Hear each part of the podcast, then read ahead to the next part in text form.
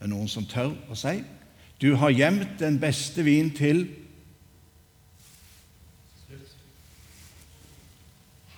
Jeg trodde, jeg trodde bedre om deg.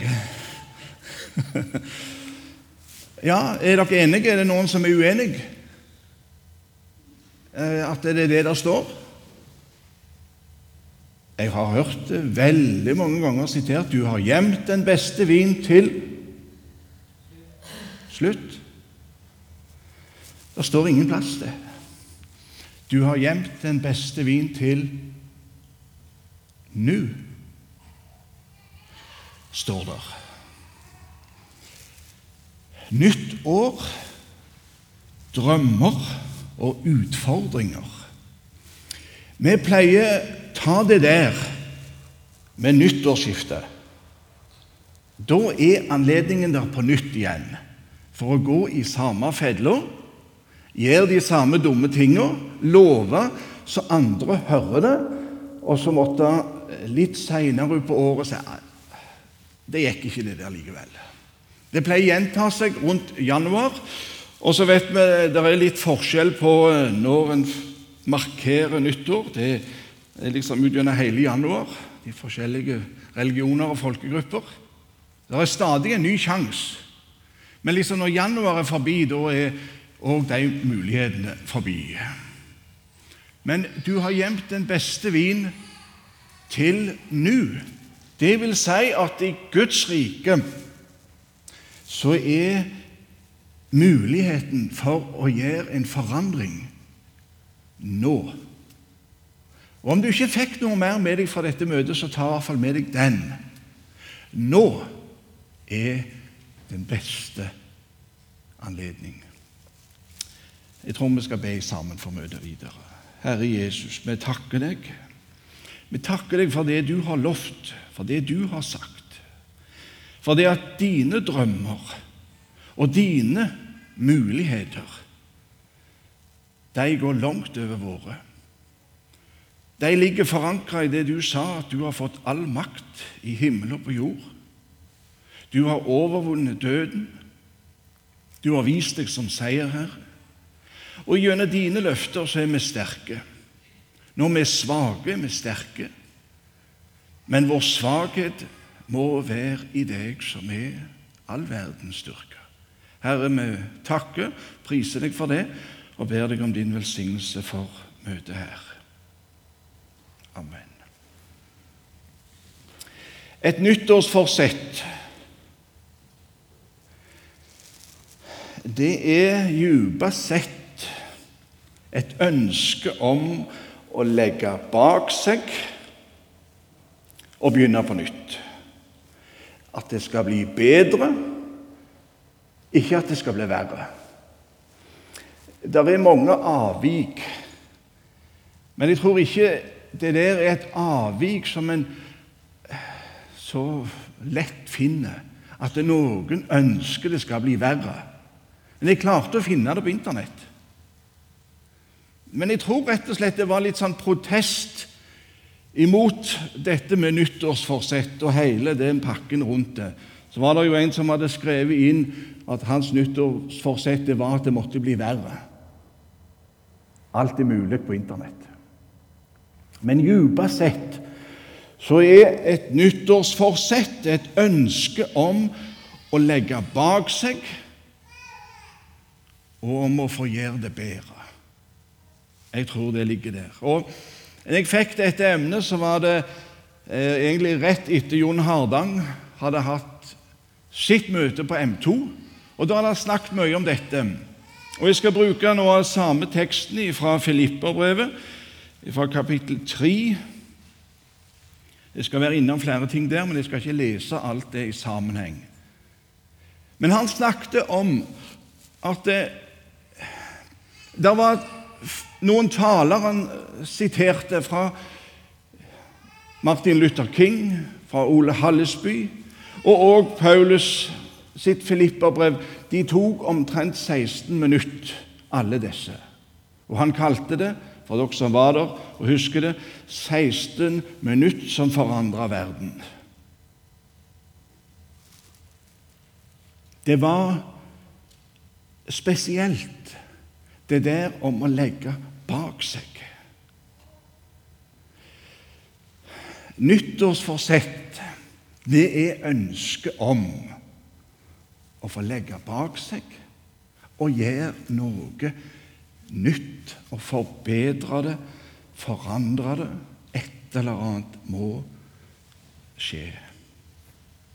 Da ligger jo utfordringen i hva er realistisk i forhold til det en drømmer om. Du vet, Jeg kunne jo godt satt meg et nyttårsforsett at det, dette året skal jeg begynne å trimme veldig. Jeg skal gå ned eh, iallfall fem kilo, eller jeg kunne satt i godt ti. Ikke sikkert jeg hadde merka det da heller, sett noen forskjell. Realistisk. Er det realistisk? Hva ville du, eller har du, dumma deg til og sagt at du vil gjøre dette året? Jo, en kan ha en drøm. Å, det var så mye jeg skulle ha likt Blei annerledes. Men så kommer realismen inn, og så, så setter en et mål i forhold til hva som er mulig å klare. Unnskyld. Jeg tror det ligger der. Begrensningen ligger inni her. Hva er mulig? Og Her er vi inne på det som er om vi skal si, kjernen i dette emnet. Nytt år, drømmer og muligheter. Som forsamlingsleder i Salem har jeg mange drømmer. Men jeg må være realistisk i forhold til hva som er mulig Kanskje få alt det på en gang. Og det er ikke sikkert det er mulig engang med meg med roret. Det ligger gjerne framme i tid. Men drømmen er der. At det skulle bli sånn. Og når den er vekke, så må dere si meg opp. Og det mener jeg. Når drømmen er vekke ikke meg, så må dere få meg vekk herfra, og det er med en gang. For drømmen må være der. Og hvis drømmen er vekke i ditt liv som kristen, da må det ringe ei alarmklokke. For jeg tror han ga oss det, en drøm som vi ikke alltid tør å sette ord på så noen hører det. Det er like så lite som jeg skulle sagt at mitt nyttårsforsett det er sånn og sånn, men det er ikke mulig Derfor så sier jeg bare det som er mulig. Det hadde vært fantastisk hvis du som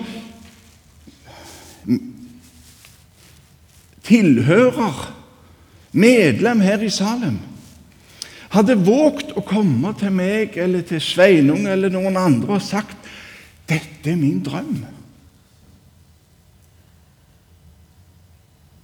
Dette er min drøm.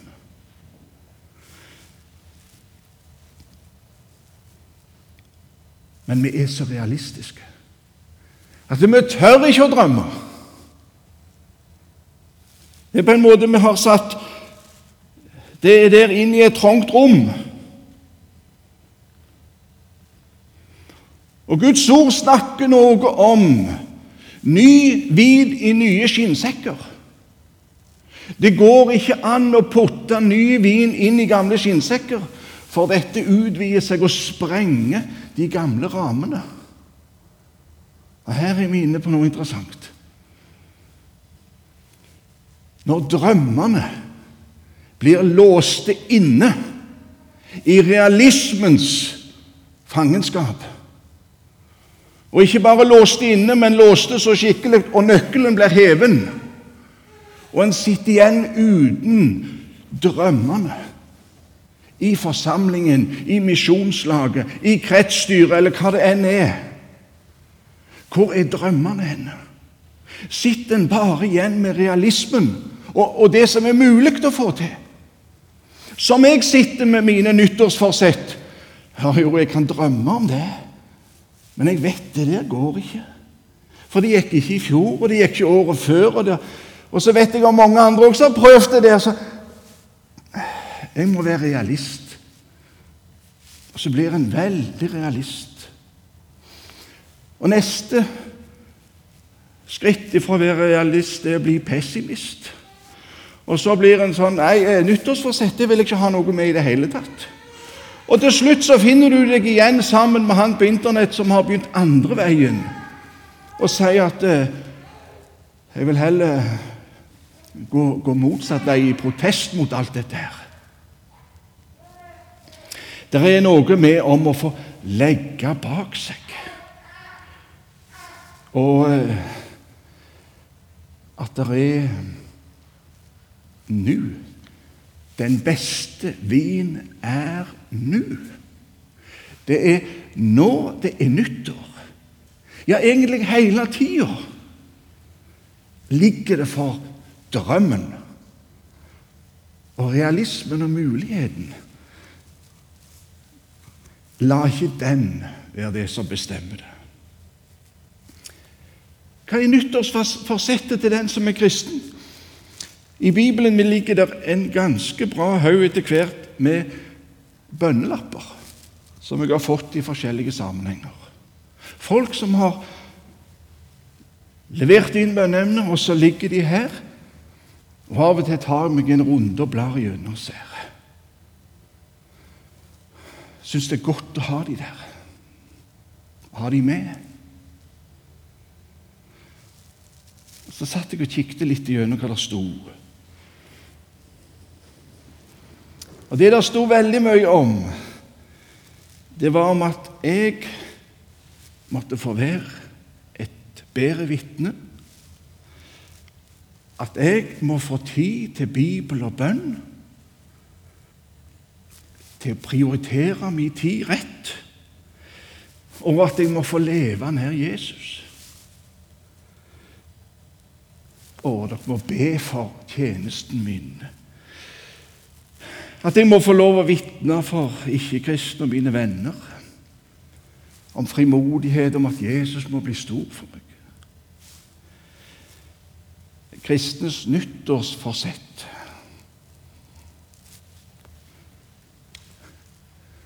Der står en framfor deg, og så sier han, 'Hva vil du jeg skal gjøre for deg?' Jo, jeg har gjort det for deg. Jeg har egentlig åpna opp det ubegrensa. Et rike hvor du kan få, få, drømme om det umulige. Og han sier, 'Jeg har fått all makt'. Og det han har, han har gitt deg i din tanke Du må ikke bare feie det vekk som 'Nei, det er umulig', og derfor så, så må jeg glemme det. Det er der, for han har gitt det. Vi lever som oftest enten i fortid eller i framtid. Vi lever enten i alt det der galne jeg har gjort, og jeg kjenner det. Jeg har kjent det i dag, og jeg kjenner det hver eneste gang jeg skal forberede et møte og går på talerstolen. Vet du hva jeg tenker på? Alle de gangene det gikk skikkelig gale. Og jeg var så misfornøyd etterpå. Jeg gjorde ikke det som jeg hadde så lyst til. Og det er en skrekkelig byrde når, når det kommer, når fortida innhenter meg. Vet du hva det gjør? Det tar ifra meg frimodigheten. Med en gang. Og så sier Paulus jeg legger bak meg og strekker meg etter det som er foran. Det er nå du har mulighet til å gjøre det. Eller så lever jeg langt i framtid. Jo, det skal vel bli bedre en eller annen gang. Og det er det mye av disse forbønnsemnene ligger i. At det må skje noe med meg, så jeg blir mer brennende som kristen, blir en bedre bibelleser, kan mer av Guds ord, blir flinkere og, og, og om igjen og om igjen. Han har sagt du skal få glemme det som er bak, og så leve nå.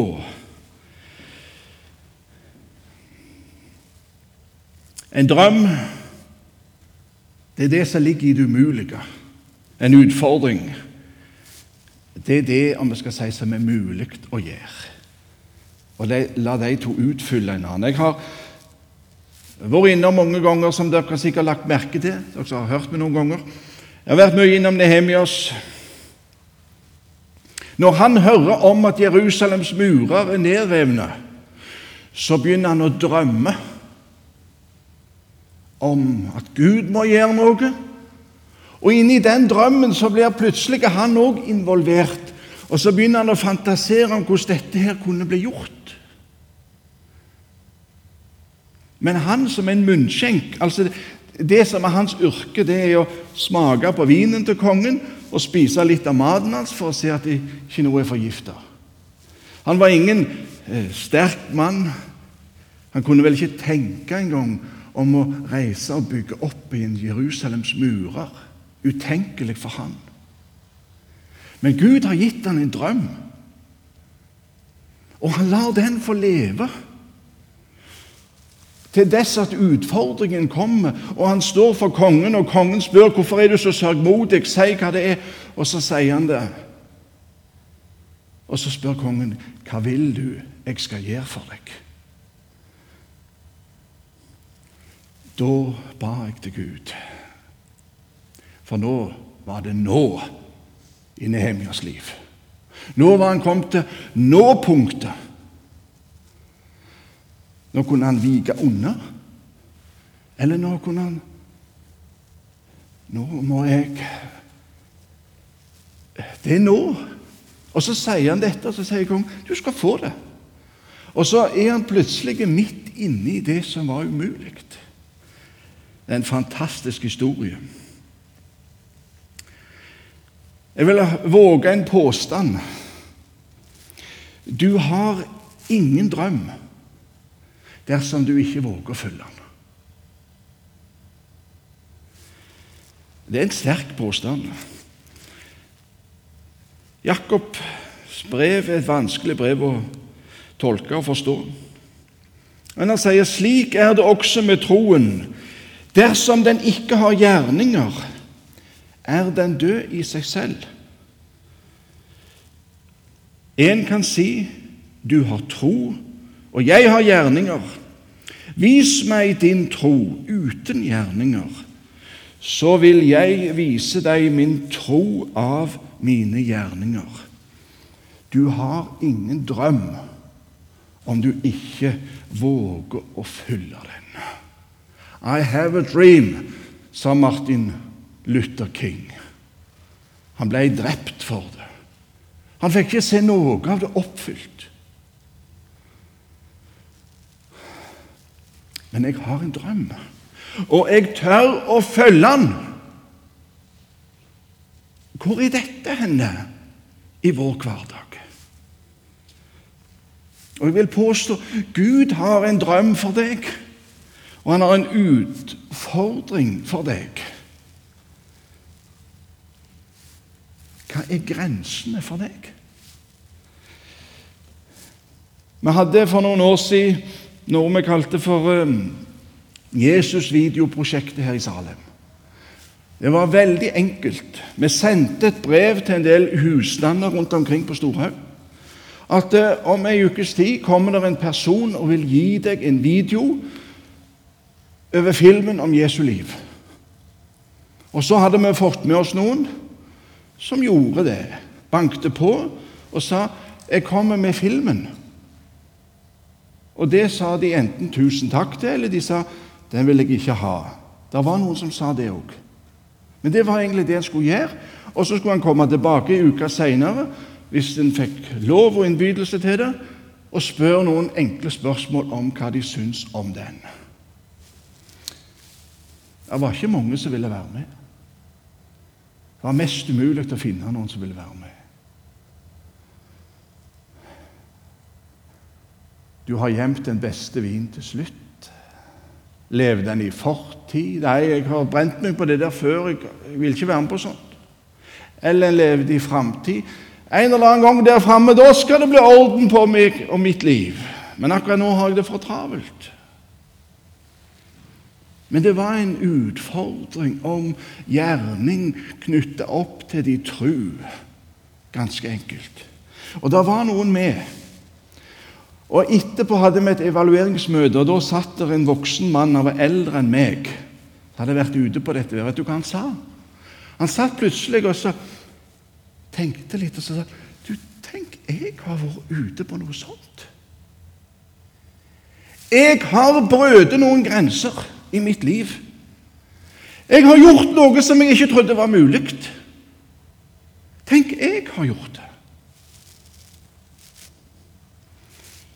Gud har en drøm for hva han vil bruke deg til.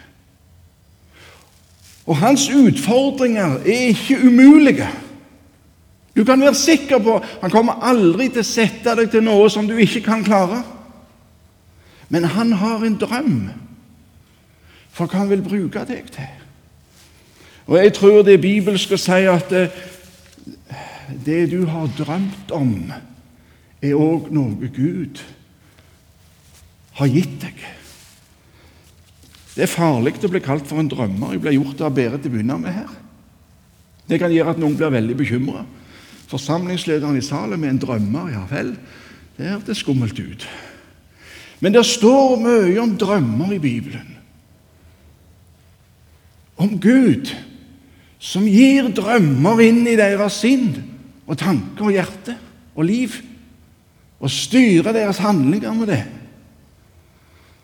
Drøm og utfordring. Det er forskjell på lidenskap og slagord. Og jeg lurer på når vi sier 'verden for Kristus' Jeg tror ingen av dere er ukjent med det. Er det en passion, eller er det et slagord? Det kan en ta og tenke litt over. Ja, det er et slagord, eller er det en lidenskap? For det var i lidenskapen det ble født, verden for Kristus-visjonen. Men jeg er redd for at han har gått over til å bli et slagord. Ja, det er det vi er samla under. Det er som er mottoet vår, osv. Ja, men er det min passion? Er det min lidenskap? Tilbake til teksten som jeg ikke har lest så mye om så jeg kan få kjenne ham og kraften av hans oppstandelse og samfunnet med hans lidelser i det jeg blir gjort lik med ham i hans død. To ting. Det ene er karismatikerne sitt. Det er oppstandelseskraften. Vi er så redde for det at det har de alltid sagt i Maranata og i de ytterliggående at det tør vi nesten ikke å bruke.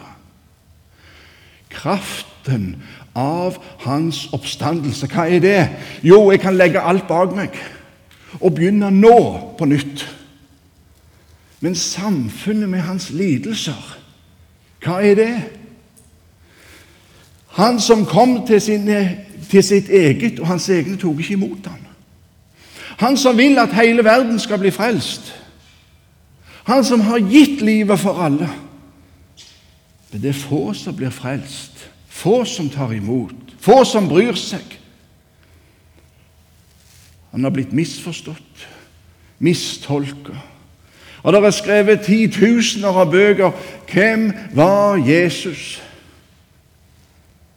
Han hadde en lidenskap som dreiv han inn til døden på korset.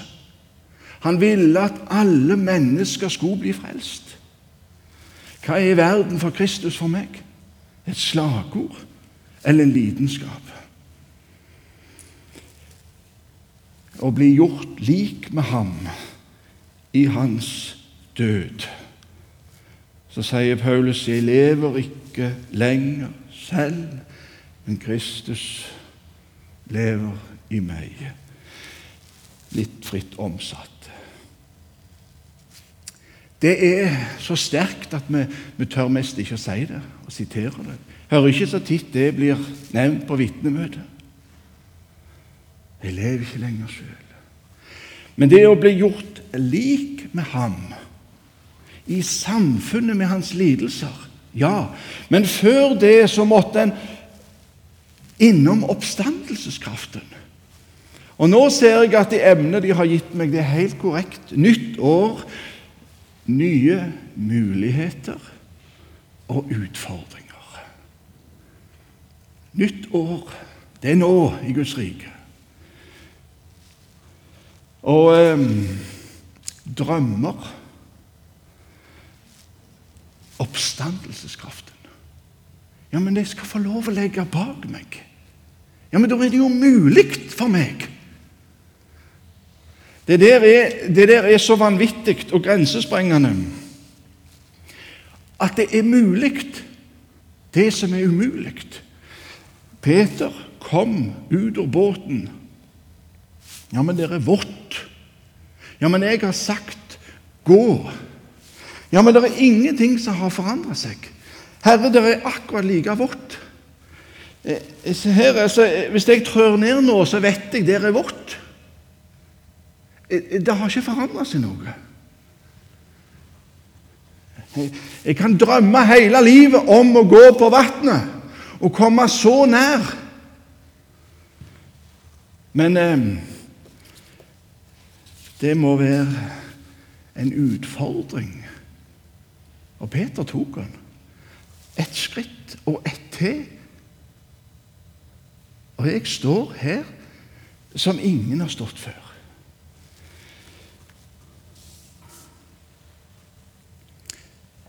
Det å bli gjort lik med ham i hans død En Moses, en profeten Jesaja de ble lukka inn i Herrens smerte. Jeg har så vidt visst sett mitt folks nød. Da hørte jeg Herrens røst. Han sa, 'Hvem vil gå? Hvem skal vi sende? Hvem vil gå for oss?' Da sa jeg, 'Her er jeg, send meg.' Jeg er kommet til nå i mitt liv. Du har gjemt den beste vin til nå. Men jeg lever som oftest enten så gikk det toget for lenge siden, eller så kommer det et nytt en gang i framtida. Og i denne perioden nå så driver jeg og forbereder meg til det som kommer der framme. Eller jeg har mista motet for det som skjedde der bak. Der er jeg nå. Så hører jeg ikke Jeg har gjemt den beste vin til nå. I ditt liv er det en utfordring nå. Og den står i forhold til den drøm Gud har gitt deg. Hva vil du sitte igjen med til slutt?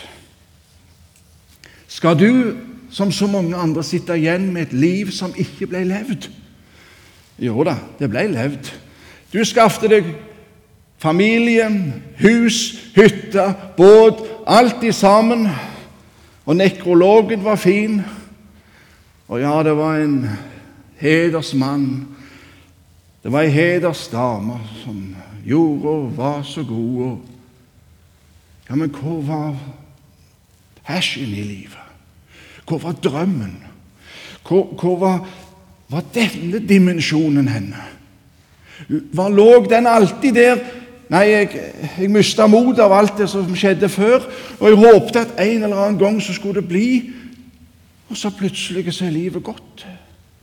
Og så ble alt for seint skal en sitte igjen med et slikt liv. Matteus 25 taler om en start, et liv og et regnskap.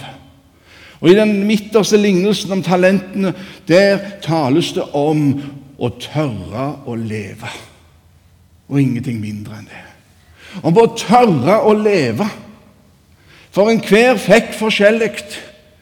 Men det var spørsmål om bruk, eller å la være å bruke som var hele forskjellen. Hva skal en sitte igjen med? Det var et spørsmål om min drøm om i dette.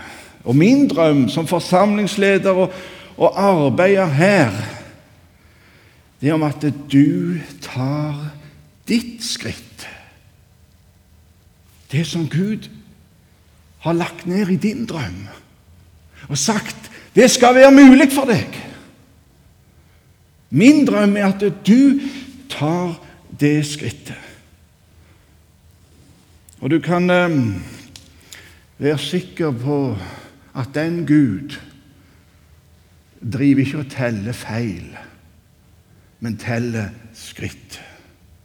Hvis dere husker Jon Hardang, så, så, snakket han om når de hadde fått en av de minste sine. og så, ja, I dag er det mandag, og hadde det vært en av mine unger, så var det I dag har Knut Kåre gått prøvd fire ganger.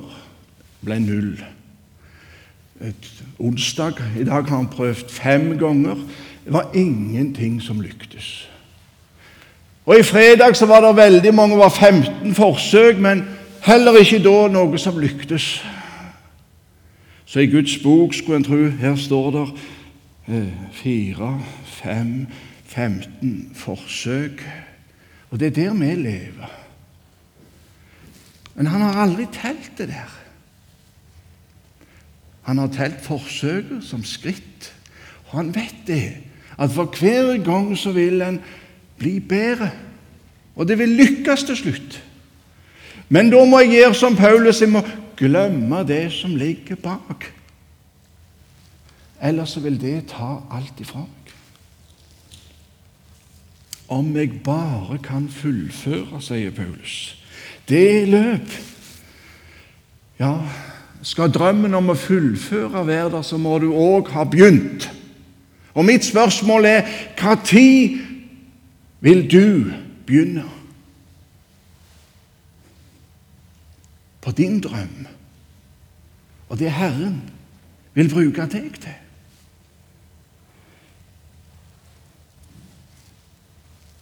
Vi kan ha så mye kunnskap vi vil, men kunnskap som ikke blir omsatt i praksis, den er vi bare oppblåser. Og det er jo det vi ser så mye av. En kan alt, kan forklare alt, kan forklare hvorfor ting ikke skjer, og hvorfor det skjer, det som skjer. Jo, en er eksperter i å vite om alt.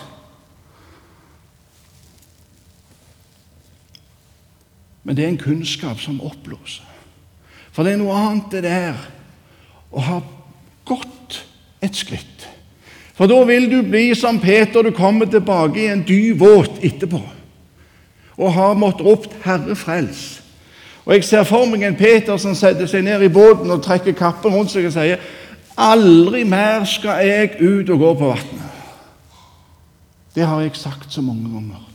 Jeg skal aldri, Hadde det vært ei dør framme der på bedehuset, skulle jeg gått ut den, skulle jeg kjørt hjem, skulle jeg aldri mer stått på en talerstol. Vet du hva jeg må gjøre? Jeg må glemme det som ligger bak. Så hadde jeg aldri kommet opp igjen. En nådegave tar ikke vekk det der. Det følger med men jeg kjenner kraften av hans oppstandelse og samfunnet med hans lidelser. Ikke ta drømmen ifra meg, Gud. Og om mulig gi meg enda en mulighet. For året er så få igjen. Nå kan jeg så mye, nå forstår jeg så mye. Det er så mye jeg skulle ha gjort. Ikke ta det ifra meg. Om jeg svikter aldri så mye, la meg enda en gang få legge bak meg. Og ikke se på det der, for det tar fra meg hele frimodigheten. Men la meg få begynne på nytt nå. Og Herre, hva har du drømt? Og hva har du sett foran meg av åpne dører? Og la meg få bli brukt.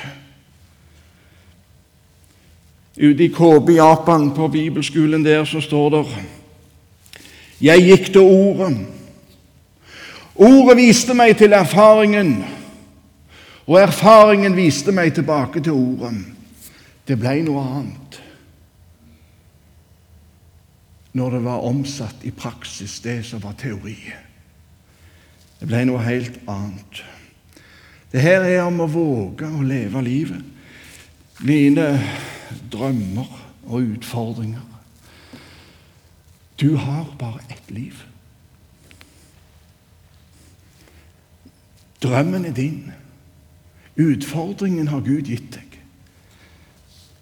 Og det er ingenting som er umulig. Og vi skal litt seint få lov å si godt nyttår, alle sammen.